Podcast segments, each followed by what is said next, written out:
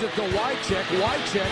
That looked like a forward pass. Madden is on the field. He wants to know if it's real. They said yes. Get your big butt out of here. Hello? You play to win the game.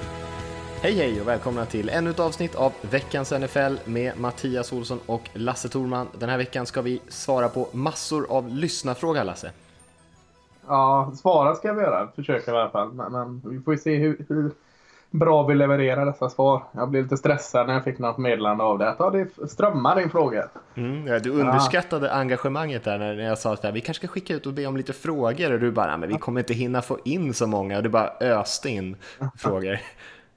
Fan. Ja, ja, vi får försöka eh, rulla det i hamn det med. Ja, vi ska beta av dem. Eh, och eh, som vi pratade om det lite innan vi började spela in Lasse, men det är ju, jag tyckte att det var väldigt mycket bra matcher den här veckan. Du var inte riktigt lika imponerad, men det finns ju ett gäng spännande att prata om ändå. Ja, men det kanske det gör då. Jag, ja, jag vet inte. Dålig smak efter förra veckan. Ganska tråkig vecka. Så, nej, men vilka bra matcher är det då?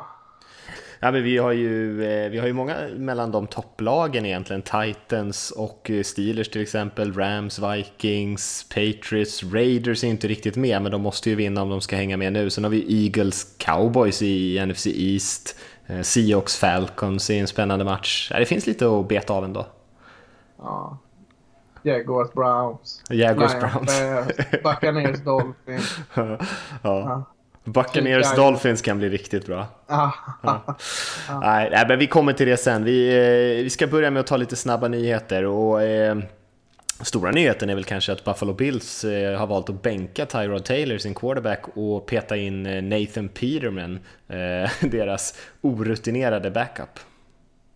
Ja, eh, jag har sagt det förut att när jag kollar, jag har kollat Bills två veckor i rad och de har varit bedrövliga. Och det är de alltid när jag kollar så så jag har ju inget emot det. Jag har inte sett eh, Tyrod Taylor på hans bästa sida. Trots att han gör vissa grejer som är riktigt bra. Så ja, varför inte? Eh, jag tyckte om honom i, i eh, Pittsburgh när han var i college där. Men ja, det är lite svårt att liksom säga varken bu eller inte. Jag har inte sett så mycket av honom i, i hetluften. Nej, eh, och samma sak där. Jag tror vi var ganska överens om att eh, en kille som eh, är ganska stabil, ganska bra, skulle kunna bli en ganska rutinerad, eller rutinerad, ganska pålitlig starter, men kanske inte har det där stjärntaket som några av de andra hade. Lite synd om Taylor tycker jag, som ändå tycker inte han har spelat direkt jättedåligt. Nej, det är ju inte hans fel att det har blivit någon sån här eh, kollaps här nu, två, eller om man ska kalla det, två raka förluster. Men Nej.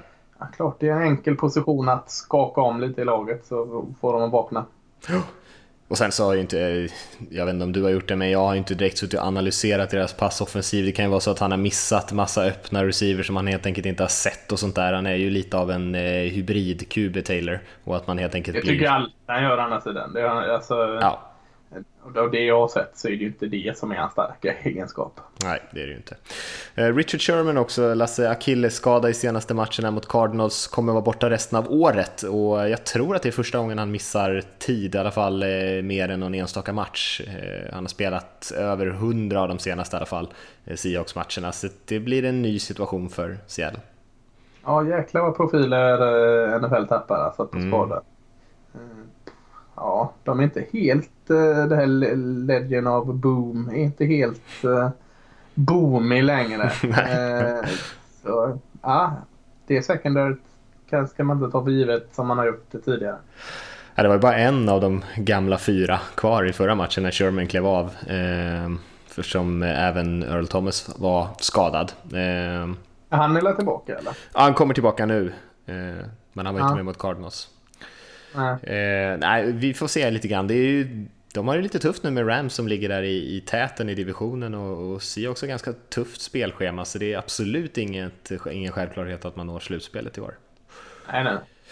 Eh, det var de enda nyheterna vi hade Lasse. Ska vi ta och kika tillbaka lite på veckan som var och, och lite andra grejer som har hänt runt om i ligan på våran 10 snabba här som vi brukar köra?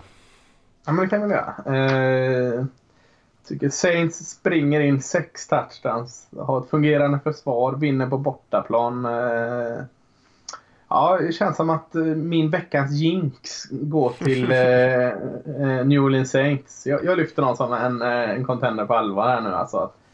Så många saker som fungerar samtidigt i Saints. Det vet jag fanken när det var senast. Det var när de vann rubbet senast. Ja, det är o-line-dominans där får man säga ja. mot, Buffalo.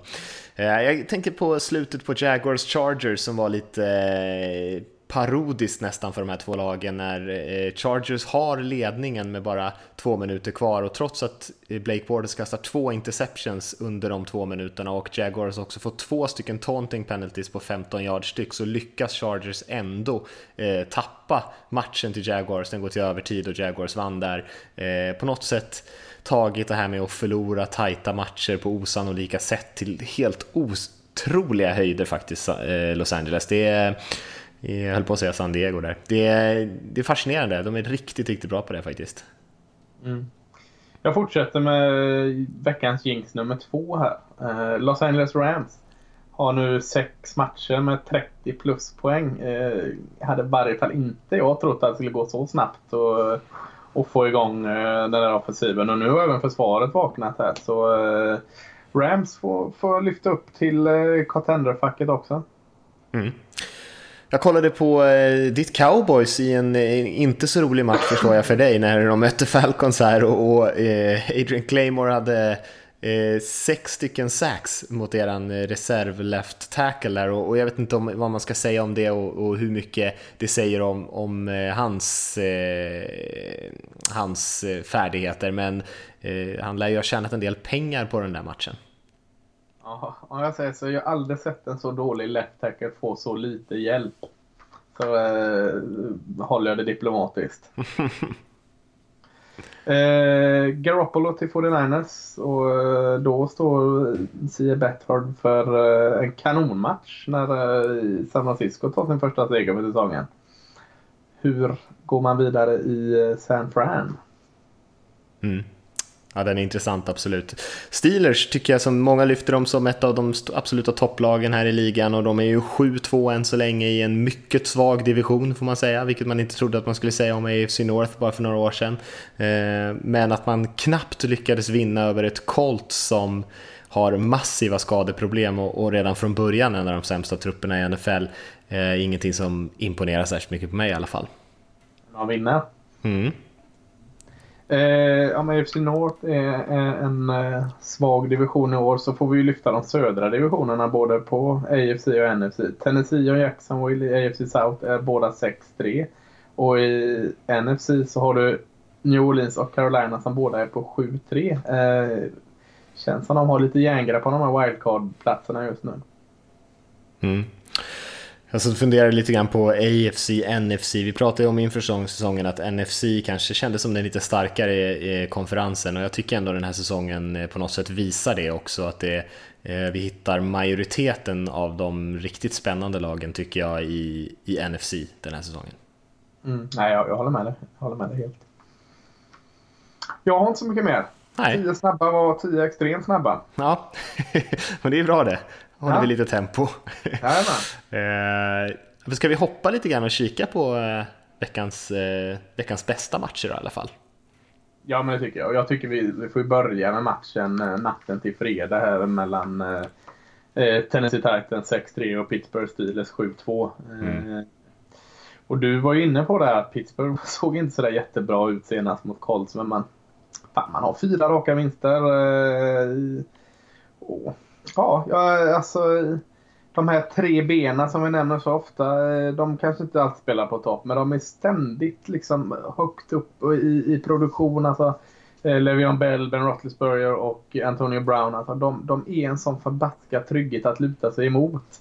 Eh, så även om, om Steelers kanske inte alltid spelar de bästa matcherna så har man någon av de här som kan, kan vinna de här matcherna ändå.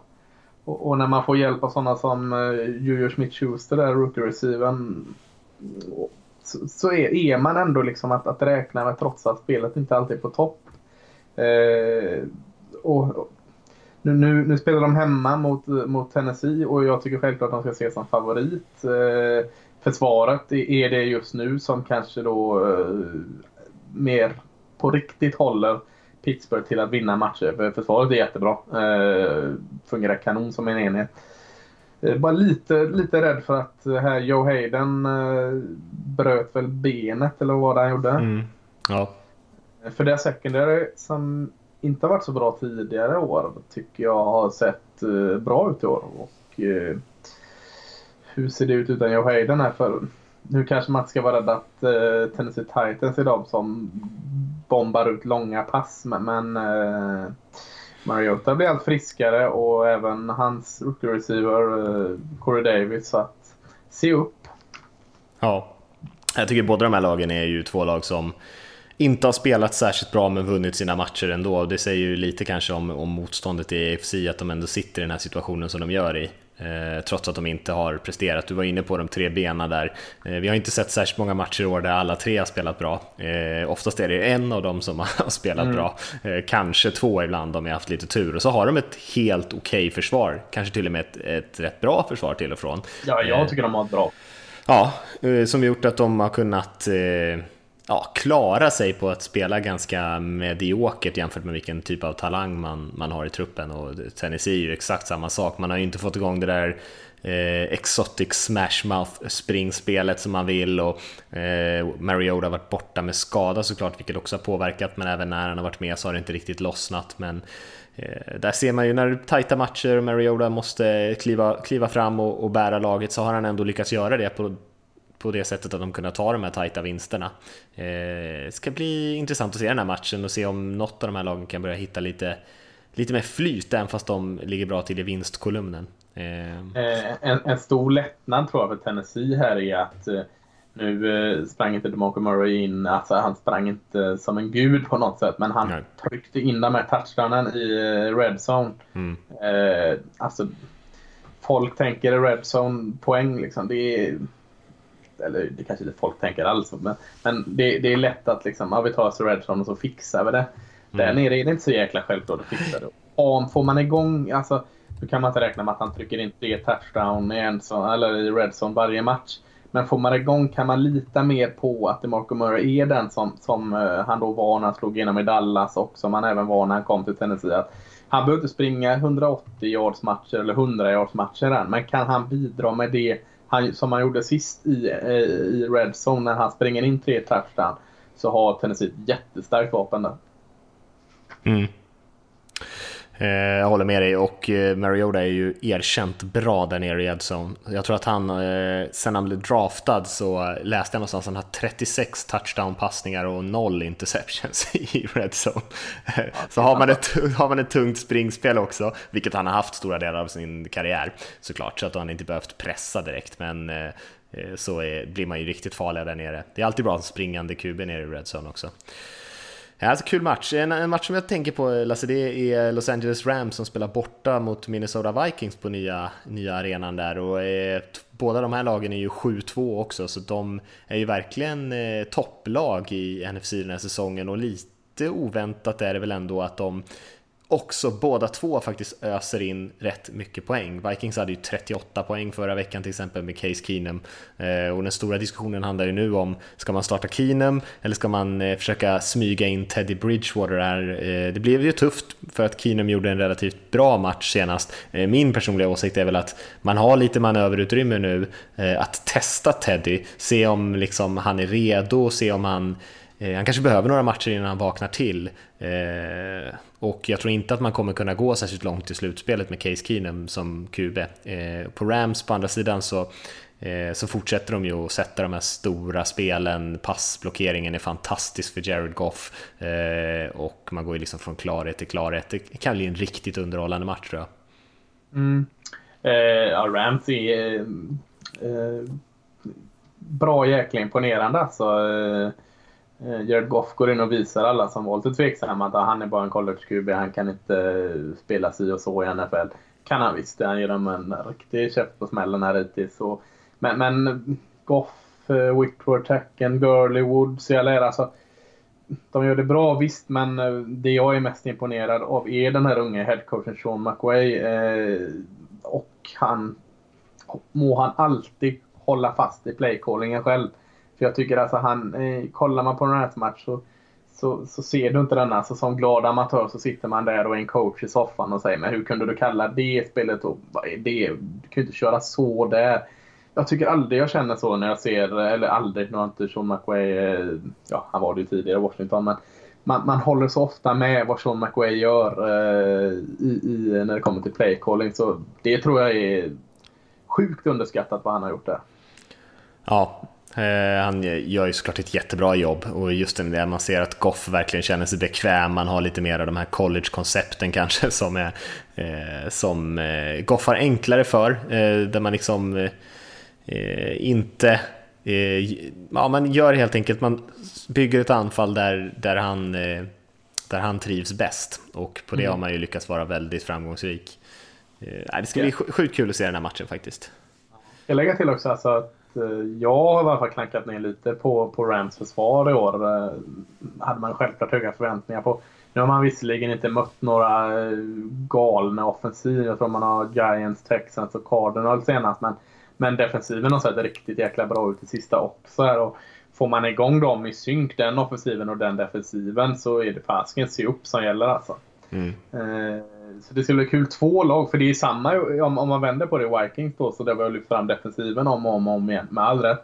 Så, så är det som du säger, alltså offensiven bidrar eh, nästan lika mycket som, som defensiven det sista. Alltså Case Keenum och filen, deras samspel är fantastiskt att se. Så Eh, två lag där det funkar på båda sidorna av bollen just nu. Eh, så är helt klart veckans match för mig. Jag, jag, tror, eh, jag tror Rams vinner borta mot Vikings faktiskt. Jag, eh, de får motbevisa mig att de bara är på låtsas innan jag hoppar på det tåget. Håller med dig. Rams fyra raka också, Vikings fem raka, så det är ju heta mm. lag som möts. Har du någon annan match som du tycker ser spännande ut? Eh, jag vet inte, kanske. Eh, New England borta mot Oakland. Ja, den känns spännande. Oakland är... Vad ska man säga om dem? De dansar en sommar. I Mexico City spelas den till och med. Ja, precis. Eh, tycker jag är kul. Eh, och visst, man är ändå har två segrar på tre, eh, tre senaste matcherna.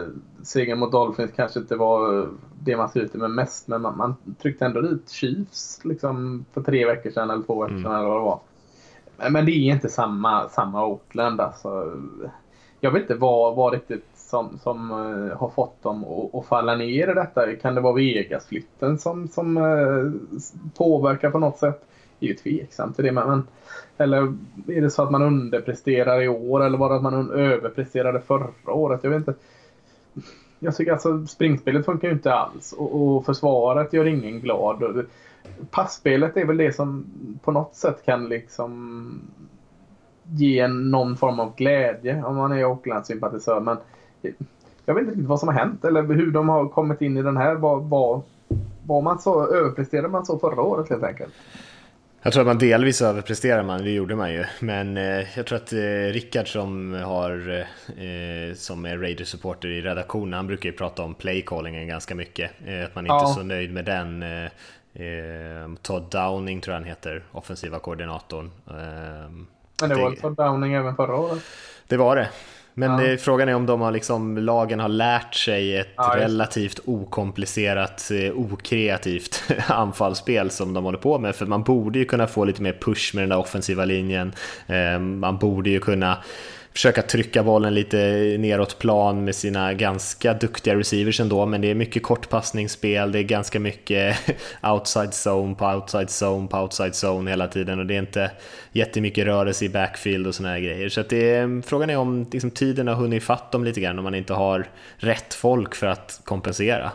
Eh, Kanske ligger något i det. Patriots å andra sidan har ju verkligen imponerat och försvaret har börjat spela rätt bra nu dessutom och man ser ju livsfarliga ut i AFC såklart. Ja, verkligen. Alltså, och, och, det är ju helt jäkla fantastiskt eh, det här New England Patriots. Alltså. Om och om igen. Det finns inget lag som är nära dem. Alltså, alltså eh, vissa år finns det lag som utmanar men det är alltid Patriots man utmanar. Det, det är helt otroligt det här.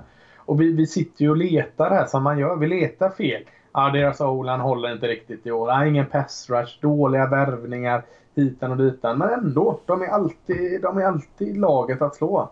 Ja. Eh, och, och, eh, nu må det vara att Bennett kom dit eller eh, att de inte har några namnkunniga eh, running backs eller vad det nu må vara. Liksom att det spelar ingen roll. Det spelar ingen roll vad de heter som right guard eller free safety eller tight end. Alltså, de, de fixar det. Eh, och, och, och, om deras pass rush inte är bra, ja, men då fixar de på ett annat sätt. Eh, eh, New England Patriots borde man nästan göra typ fem, eh, fem avsnitt på rad. Beta av New England Patriots. och vi kommer stå där och inte fatta ändå liksom, hur de gör det.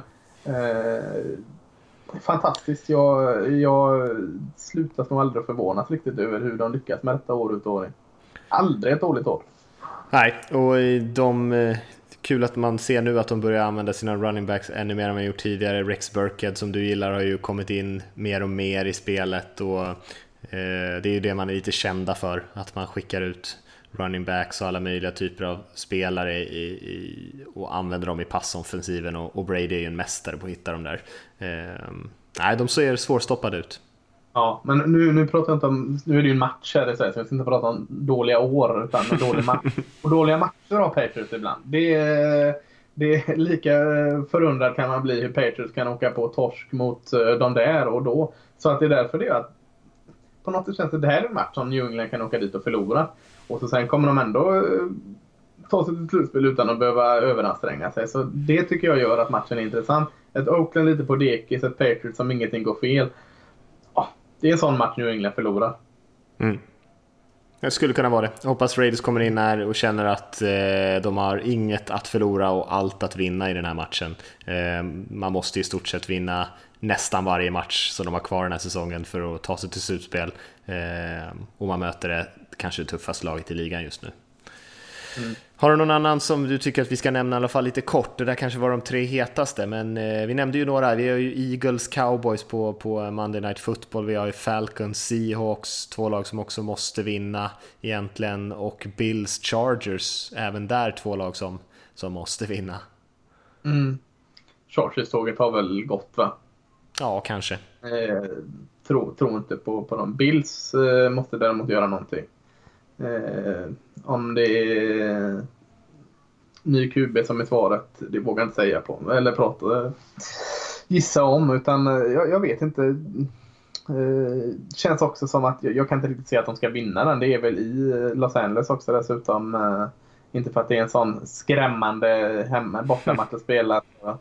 Ah, jag vet, jag vet inte. Jag, jag är svår att analysera Bills eftersom jag aldrig riktigt får se dem när de är bra.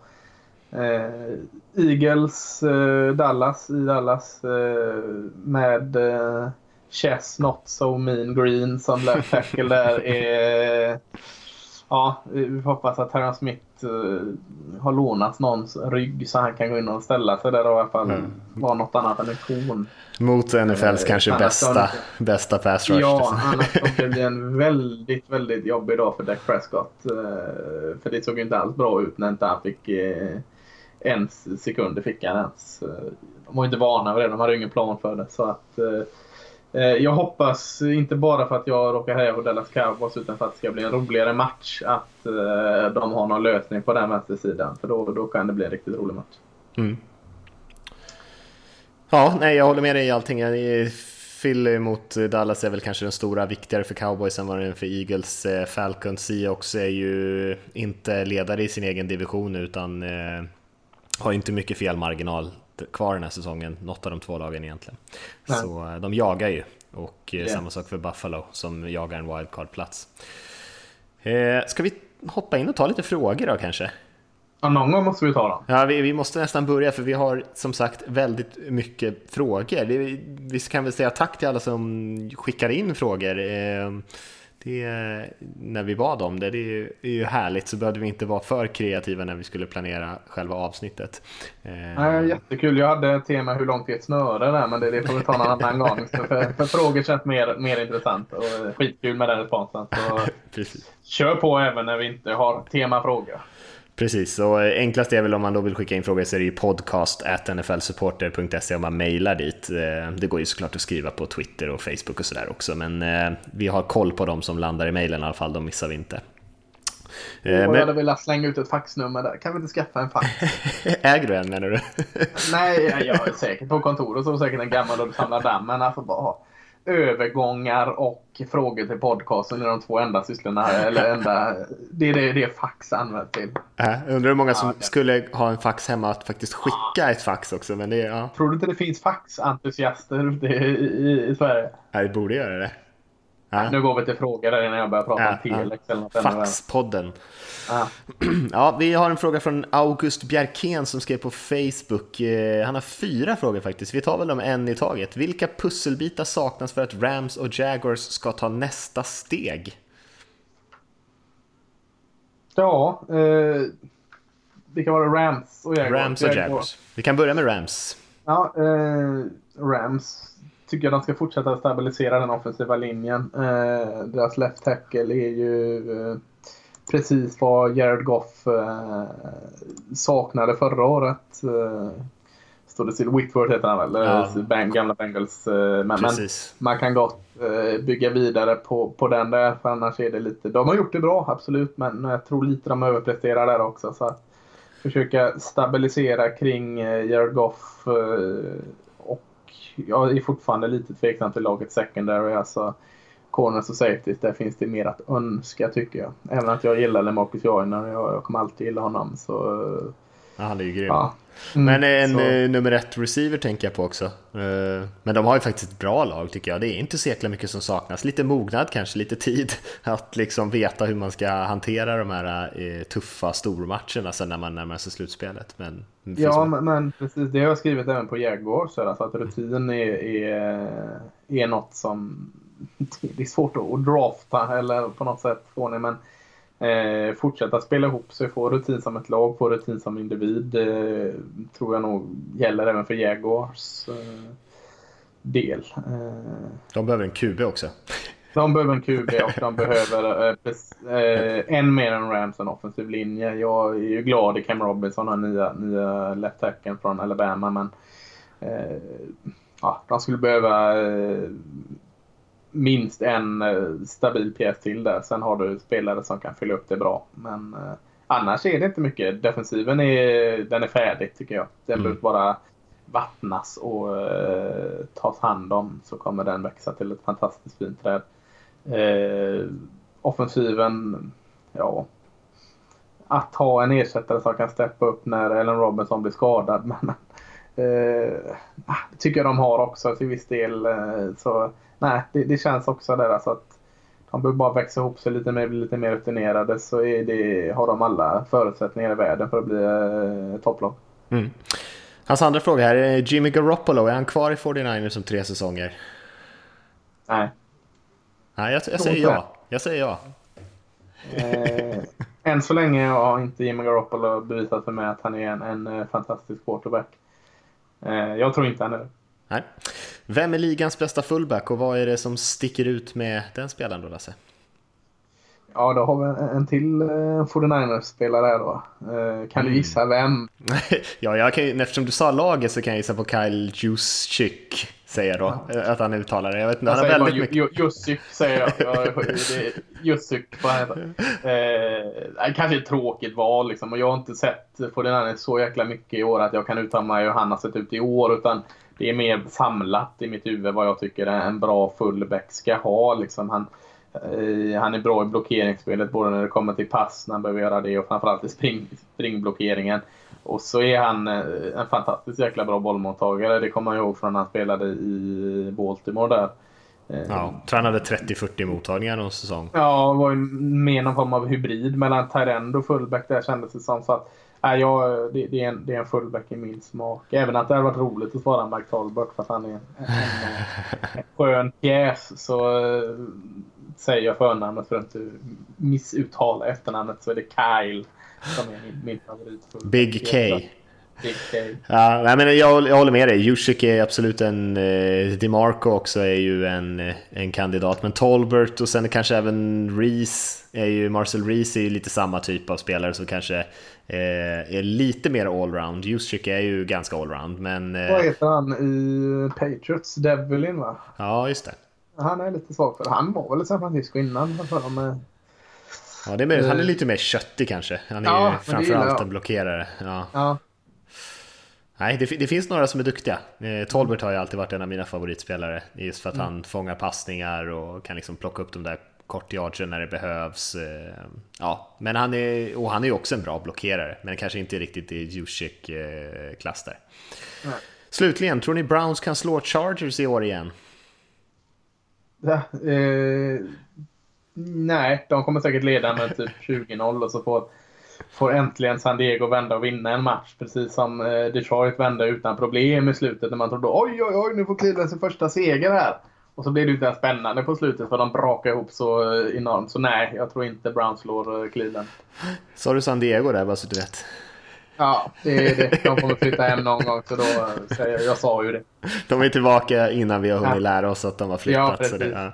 Jag har en fråga från Johan Wackfeldt också. Hur illa ute är Patriots om Brady skadar sig? Bill och company har ju trollat med wide receivers och running backs vid skador, men känns ju som att en skada på Brady är en för tuff utmaning även för Bill att lösa. Ja, backup-kuben är inte där heller längre. Inte, jag tänker inte på Jimmy Garoppolo utan Edelman är ju skadad också. Uh, tänkte man kunde slänga in Brian Hoyer under Bill Belichicks ledning uh, och McDaniels där så kan Brian Hoyer gå in och, och uh, bli som typ Matt Kessel och Jimmy Garoppolo så här heta liksom het backup-QB. Så de gick ju 11-5 med Matt Kessel. Gjorde de inte det? Ja, Missade slutspelet i och för sig ändå men Nej, men klart som fanken att det hade varit ett jätteavbräck med eh, Tom Brady på sidan. Det, det är inget snack om det. Men jag säger som jag sagt innan, jag, jag, lyfter Bill Belichick högre än Tom Brady. Så länge Bill Belichick är där så kommer eh, New England alltid vara i slutspel. Men med alla hans eh, mjukgörande eh, vet du övningar han gör och all avokadoglass och allt det där så kommer ju han aldrig skada sig. Nej, jag säger inget där. Inga kommentarer. Nej, jag, jag, håller med dig. Det kan bli en, en, väldigt, väldigt tuff utmaning. Jag tror att de kan vara okej okay ändå, men, men inte på den nivån de är idag såklart. Kom, eh, har vi en fråga från Henrik Holmqvist som skriver. Kom på en till. Vilka spelare kommer att bli uttagna till Pro Bowl enbart på gamla meriter? Och vilka borde bli det, men är för okända? Skriver han. Han hade någon tidigare fråga där också. Okay. Eh, på gamla meriter, eh, då kan man inte säga Tom Brady för han blir uttagen på de meriterna han gör i år såklart. Men mm. Eh, det kommer jag ihåg när J.A. Watt var det, nej det var ju den här de rankade 100 bästa spelarna vad som NFL gör och han var högt som fanken där efter typ sin skada. Så förlåt men skit i den. Det roliga är ju den lite mer dolda. Sådana som kanske blir uttagna då. Eller har du någon, någon, någon sån gammal stofil som du kan se bli uttagen där som inte har presterat i år? Eh... Offensiva linjemän brukar de aldrig kolla upp. Det brukar vara samma jäkla... Eh, ja. Men de har ju varit bra gubbarna känns det som. Där. Det kanske är Big Ben då? Cam Newton ja. kanske om man eh, lyckas uh, snirklas in. Ja, kanske. Mm. Nej, jag vet inte. Inte så jättemånga. Vilka doldisar tänker du på då? Hade du några där? Ja, jag, Zac Brown, Washington. Det tycker mm. jag är en dålig fortfarande. Jag tycker han är kanonbra. Mm. Uh, varje match är han bra. Uh, jag vet inte om det är dåliga, men eh, Enan Thielen i, i eh, Vikings ja. eh, har i alla fall en Pro Bowl-säsong. Ja. Eh, kan lägga till Robert Woods där i, ja. i Rams. Hur mycket det är hans förtjänst eller spelsystemet eller Goff, det, det låter jag osagt. Men han har i alla fall siffrorna som backar honom. Ja. Eh, din MVP där, Everson Griffin, tycker jag väl fortfarande är lite av en dålig ändå. Eller i alla fall ingen superstjärna. Eh, hade jag varit väldigt överraskad om inte han och en annan pass DeMarcus Lawrence där, som ligger högt i statistiken, eh, blir uttagna. Nej, Irving kanske i ditt cowboys där ligger ju en spelare som mycket väl skulle kunna glömmas bort lite grann. Ja, faktiskt. Kirk Cousins, är det en dålis? Det är det inte, men, men i QB-klassen så ja, jag tycker tänkte... jag absolut han kan få en, en, en plats i Pro Bowl. Jag tänkte på honom. Alltså, Pro Bowl blir så här, de åtta första tackar nej, särskilt på quarterback-positionen, så att halva mm. ligan blir ju utvalda till Pro Bowls. Eh, men ja, vi hoppar vidare tycker jag Lasse. Ja. Eh, en diskussion om och första utvärdering av den upptalade QB-klassen 2018 i draftklassen menar han då. Hur ser den ut nu när snart college-säsongen är över? Eh, det är väl en liten stund kvar i och för sig. Fortfarande likadan, många blivande franchise QBs eller undrar Thomas? Uh, jättebra fråga. Uh, eh, 2018, det är väl nästa draft som ja. kommer nu. Alltså jag är inte i, två drafter framme. Men, Nej. Men eh, det pratades ju mycket om Sam Darnold, USCs QB. Han har haft lite tuffare år. Han har inte haft sådär jättemycket hjälp av sin offensiva linje, men kan man inte bara skylla på heller. Så att han, har, han har nog fallit lite och även han Wyoming-kuben som, som det pratades gott om. Är det Josh Allen? Det är många namn i mitt huvud nu, men eh, QB i Wyoming. Jag tror det är Josh Allen han heter helt där. Eh, också dalat lite medan sådana som eh, Josh Rosen i eh, UCLA eh, trots ett kanske lite underpresterande UCLA har fortsatt spela jäkligt bra. Eh, Lamar Jackson eh, har utvecklat sitt passspel på, på det var ju det här snacket om ja men han är ju bara en college han kan ju bara springa hit och dit och, och det där vanliga som så ofta dras men men han har eh, verkligen utvecklat sig så, så han är en QB som kan gå högt. Det pratas lite om eh, Thorson, kuben i Northwestern som, som eh, klättrar på listor som kan gå i första. Eh, ja, jag håller inte riktigt med där men det är ett spännande namn, absolut. Eh, någon mer eh, av de här som man pratas mycket om. Det är ju två QB som är fantastiska i college. Det är Mason Rudolph i Oklahoma State och eh, kanske den mest fantastiska i college, Baker Mayfield i, i Oklahoma. Eh, spelar ju en sån offensivglad eh, konferens i college där, Big 12, så att det är lite svårt att värdera de här. Robert Griffin och de kom ju därifrån också och lyckades inte så bra. Gino Smith och de. Så, så det talar ju emot dem. Men eh, jag är ju lite emot det där med det glappet har minskat. Eh, han är bara en college-gubbe, han kan inte lyckas i NFL. NFL har ändrat sig så pass mycket så att kolla på Russell Wilson och Goff och de här eh, och, och Wentz och de killarna så ser du att man kan visst lyckas eh, på en viss speltid. Så att, ja, det, det, är, det är en spännande klass men jag, jag skulle säga att om, om jag skulle bara ta eh, ett och två så säger jag nog eh, Lamar Jackson och Josh Rosen med, med Sam Darnold som, som god trea. Mm. Ändå Darnold dalat lite för han talades ju som en självklar Ja. etta innan säsongen. Han har, han har jätte, jätte, han har alla egenskaper där men, men det är bara att han har en liten dipp den här säsongen. Så det kanske är en sån QB som skulle må bra av att- spela ytterligare ett år i college. Mm. Ja, men kul, jag har inte börjat kolla årets QB sen. Det ska bli spännande att se. Det känns som att det är många som kan vara roliga att diskutera i alla fall. Eh, många, många namn på tapeten. Absolut. Hörru du, vi har en fråga också från eh, Sebastian Ekström som skriver Vad saknas hos Vikings för att utmana om Super Bowl? Kanonbra försvar, okej o-line i år, bra receivers. Om Ted kommer tillbaka till något sånär skaplig form så finns bra quarterback också. Cook gick ju sönder tyvärr, men vad saknas i övrigt undrar han? Ja, eh, jag tycker ändå att eh, jag vill se mer av de här Thielen och, och de i receivergruppen. En tydlig nummer ett receiver. Är han det? Jag, jag, jag vill vänta med den domen där riktigt. Eh, självklart har man ju problem med, med Cook här. Han, han är var skadad i college, han är skadad nu. Eh, man behöver nog drafta en, en riktigt vettig backup till honom eller signa en free agent. För det kommer följa honom i karriären är jag rädd för. Hans skador. Eh, fantastiskt han är på plan men- men man behöver en plan B där klar och tydlig. Eh, Försvaret tycker jag redan är liksom där. Eh, inget, inget jag vill pilla med det. Och kanske återigen tråkiga eh, rutin i offensiven. Alltså de har ganska ung, eh, orutinerad offensiv linje som har gjort det jättebra men kanske behöver samla på sig lite mer rutin där. Tror att de kan, för jag tror att han menade redan den här säsongen om de kan vinna Super Bowl eller utmana om Super Bowl. Tror att de, tror att de kan det?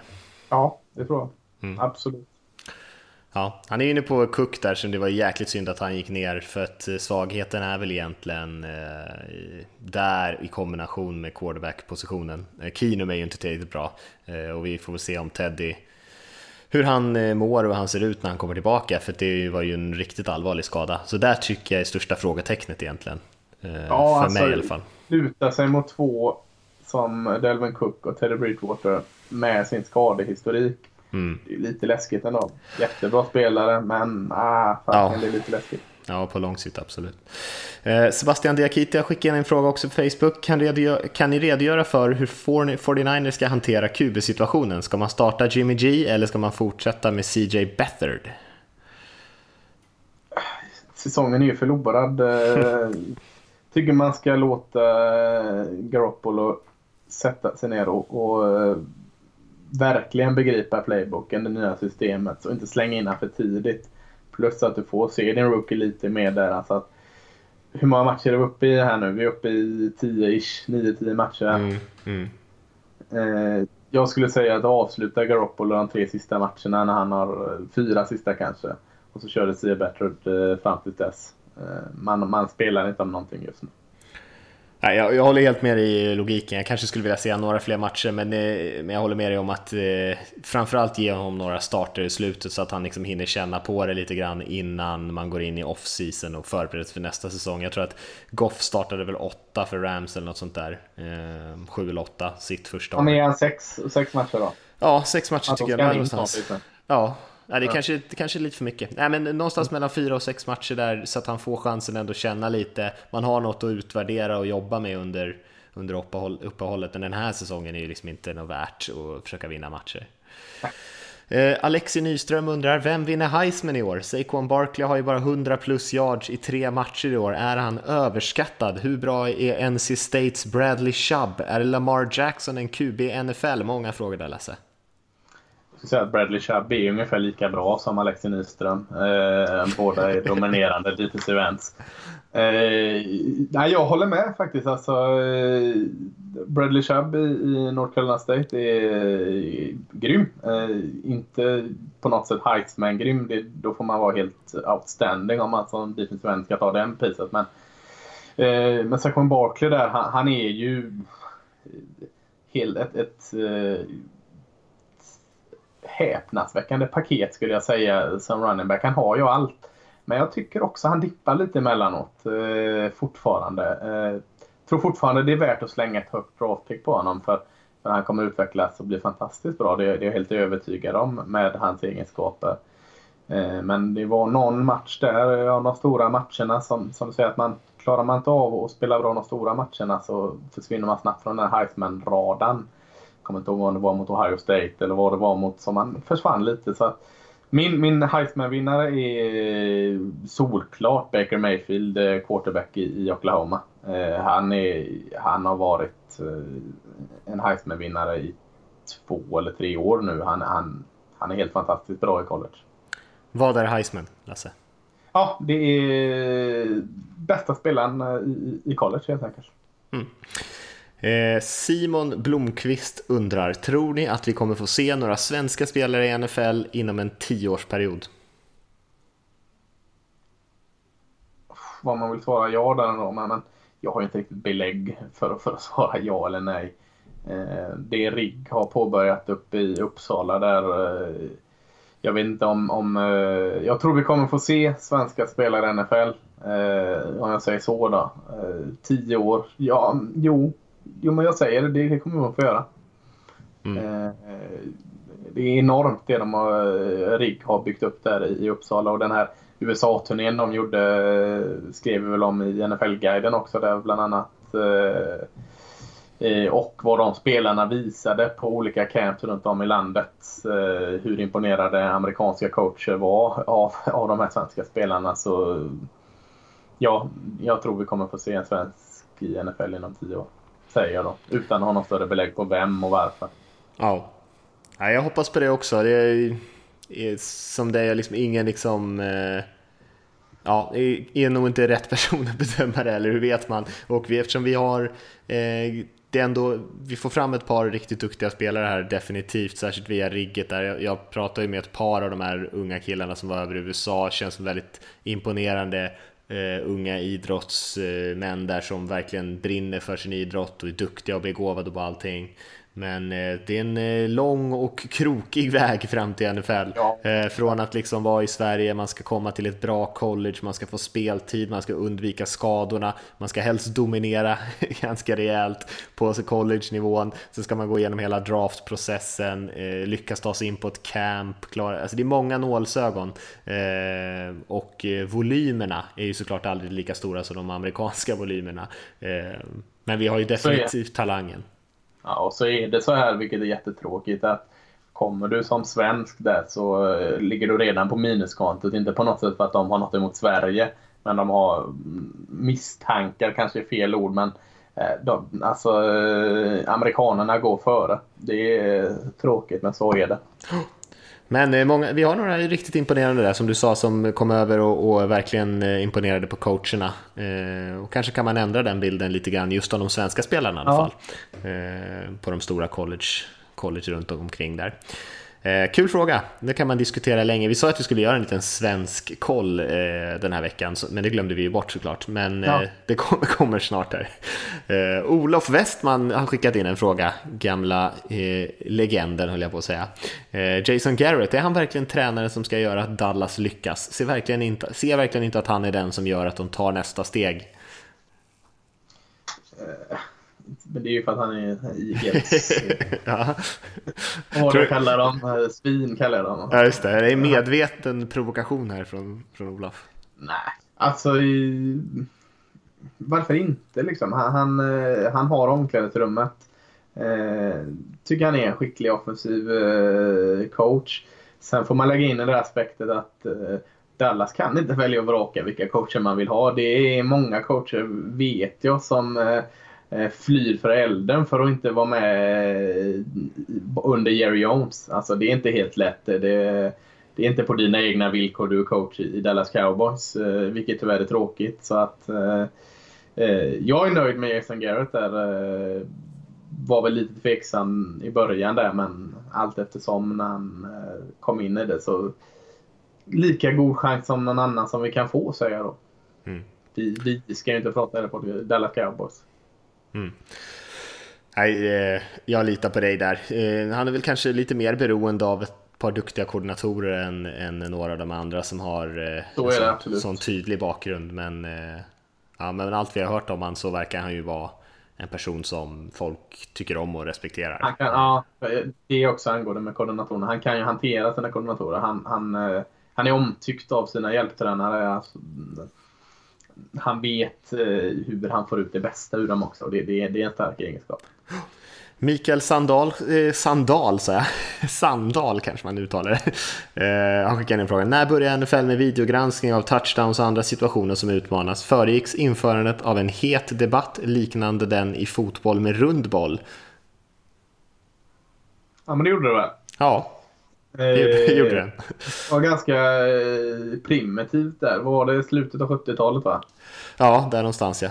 Eh, någon som stod med en sån här VHS-kamera och stoppur mer eller mindre och eh, testade på någon match. Lite så på volley. Alltså att de, det var inte något så NFL styrde uppifrån utan det var, tror jag här, jag, jag, jag tror du har lite bättre koll med men det kändes lite som att eh, det kom in lite så hipp som happ på prov på någon match där och så kom det upp till NFL sen som började testa det mer och mer och det var ju protester. Precis som det var protester när det kom in reklam i NFL och allt sådant så, eh, så var det ju många som var emot det.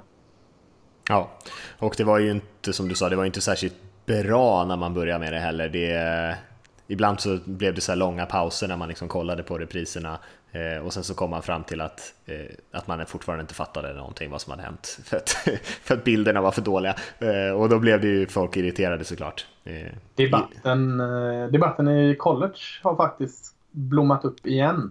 De tycker de är lite för liksom, nitiska med de här eh, video eh, checkarna. Så att, att det hakar upp matcherna för mycket. Eh, college är ju en ganska bra bas att experimentera med saker som man senare kanske kan langa in i NFL. Men, men där är det börjat ploppa upp en liten debatt om att eh, det är lite för mycket och för lite för många olika och kanske onödiga och irrelevanta saker som det videogranskas. Eh, jag menar om du springer springspel och istället för andra och fem är det andra och sju kanske inte är värt en videogranskning. Kanske ska man låta domaren bara ta vad han tror där. Ja. Har en fråga från Carl Hylén här. Situationen Packers, Martellus ben, Bennett och Patriots, hela den röran eh, kan man väl säga lite kort Lasse, att eh, Martellus Bennett eh, har eh, sagt att han har varit skadad men att läkarna i Packers har ifrågasatt hans skada och i stort sett krävt att han ska spela och till slut så släppte man honom Eh, med liksom hänvisning till att han inte var ärlig med hur, hans, hur han mådde helt enkelt. Och sen så kommer han till Patriots och sen så tränar han samma vecka och spelade faktiskt matchen i helgen nu vilket gör att man blir lite skeptisk till eh, hur allvarlig var den där skadan som han beskyllde Packers för att eh, nonchalera. Och eh, då undrar eh, Karl eh, här om kan Packers få tillbaka några pengar från Martellus Bennett? Har något lag tidigare i historien med framgång krävt och fått tillbaka pengar från en spelare? Och svaret på den andra frågan är väl ja, alltså det är väl inte alls ovanligt att man eh, får tillbaka lite pengar för att en spelare eh, inte fullföljer sitt kontrakt. Nej, det har hänt hittills Nu kommer jag inte på något exempel bara för det, men... Uh... Jag tror att det är så pass vanligt att det inte blir liksom en nyhet av det. Nej, eh, nej men det tror jag. Och, och uh, mina åsikter om Bennett har ju alltid varit att, att jag tycker han är en, en, en, egoistisk spelare på helt fel sätt. Han är så långt ifrån en lagspelare man kan vara. Sen är han rolig utanför kameran och allt detta med sin brorsa och det, men, men som spelare har jag inte mycket över för honom. Nej, och det här ser ju inte jättebra ut för honom såklart. Eh vi får väl se. Det ju, brukar inte vara så lätt kanske med den här he said, uh, she said debatten liksom. Vem som har rätt och vem som har fel, hur en skada läker och sådana där grejer. Det kanske inte är helt lätt att få pengar just i den här situationen. Men vi får se. Mm. Uh, Robert Magnusson undrar om Lasse fortfarande håller fast vid sitt tips att Giants går till Super Bowl. Jag tänkte, det här tar vi upp varje podd hela säsongen. Alltså. Ja, han, ja, nej. Det, det, gör jag ju självklart inte. Men, eh, det är ju kul, kul, att, uh, kul att kunna bjuda på sig själv. Ja.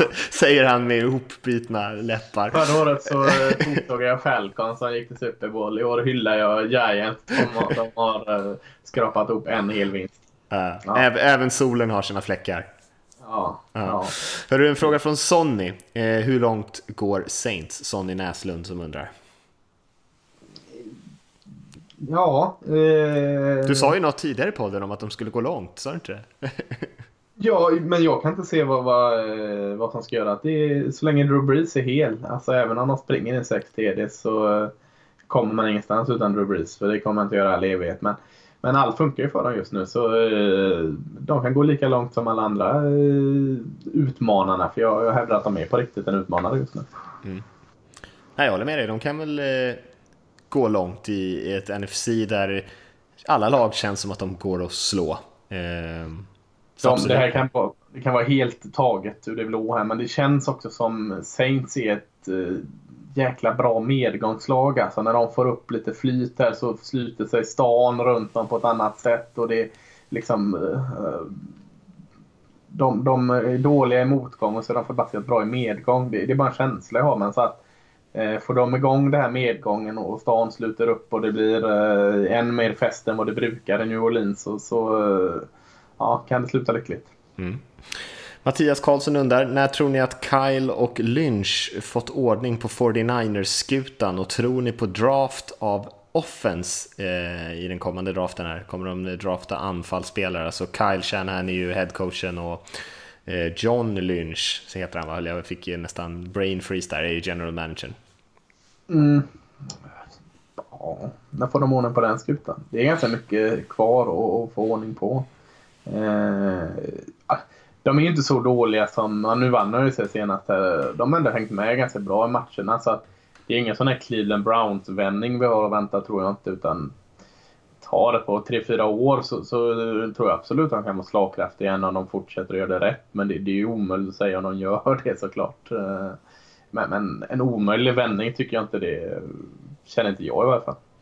Nej, jag håller med dig. Jag tycker inte de är superlångt bort. Och eh, får man, eh, jag tror väldigt mycket på Kyle Shanahan, i alla fall som en offensiv coach. Så får han ordning lite grann på Garoppolo och om man lyckas träffa rätt där, då kan det gå fort.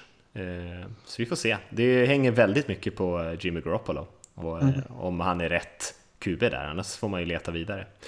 Filip... Sa Draften var det någon fråga också. Just det. Ja. Ja, det tror jag. Jag tror, jag, jag tror, att de han undrar om de kommer drafta anfall och det tror jag att de kommer göra. Jag tror att de kommer försöka omringa Garoppolo med det som han behöver. Ja, kanske trada ner lite. Eller nu är han Mike McGlinchey, left tackle i Notre Dame, hade suttit som en smäck i San Francisco. Mm. Ta mm. tanken. Eller en corner. Ja. Filip Ekelund, om ni fick ändra en regel i regelboken, vilken då på vilket sätt? Man får inte panta. ja. ja det, skulle, Nej, det... det skulle bli mer liv i matcherna men också ja, lite kaos. Ja. Men ja.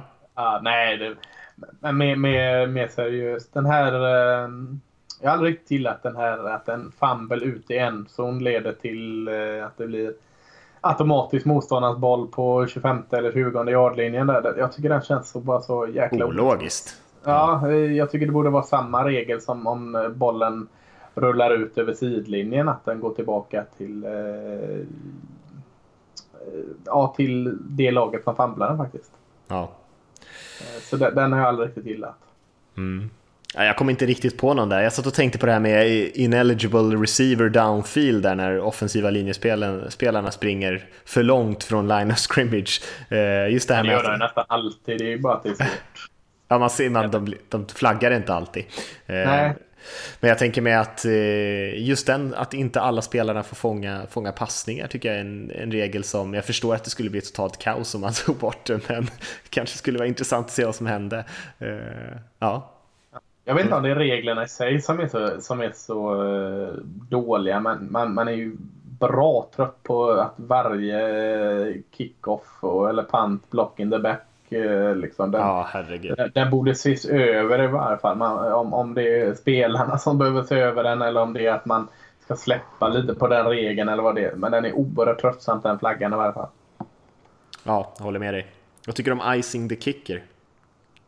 Jag älskar det.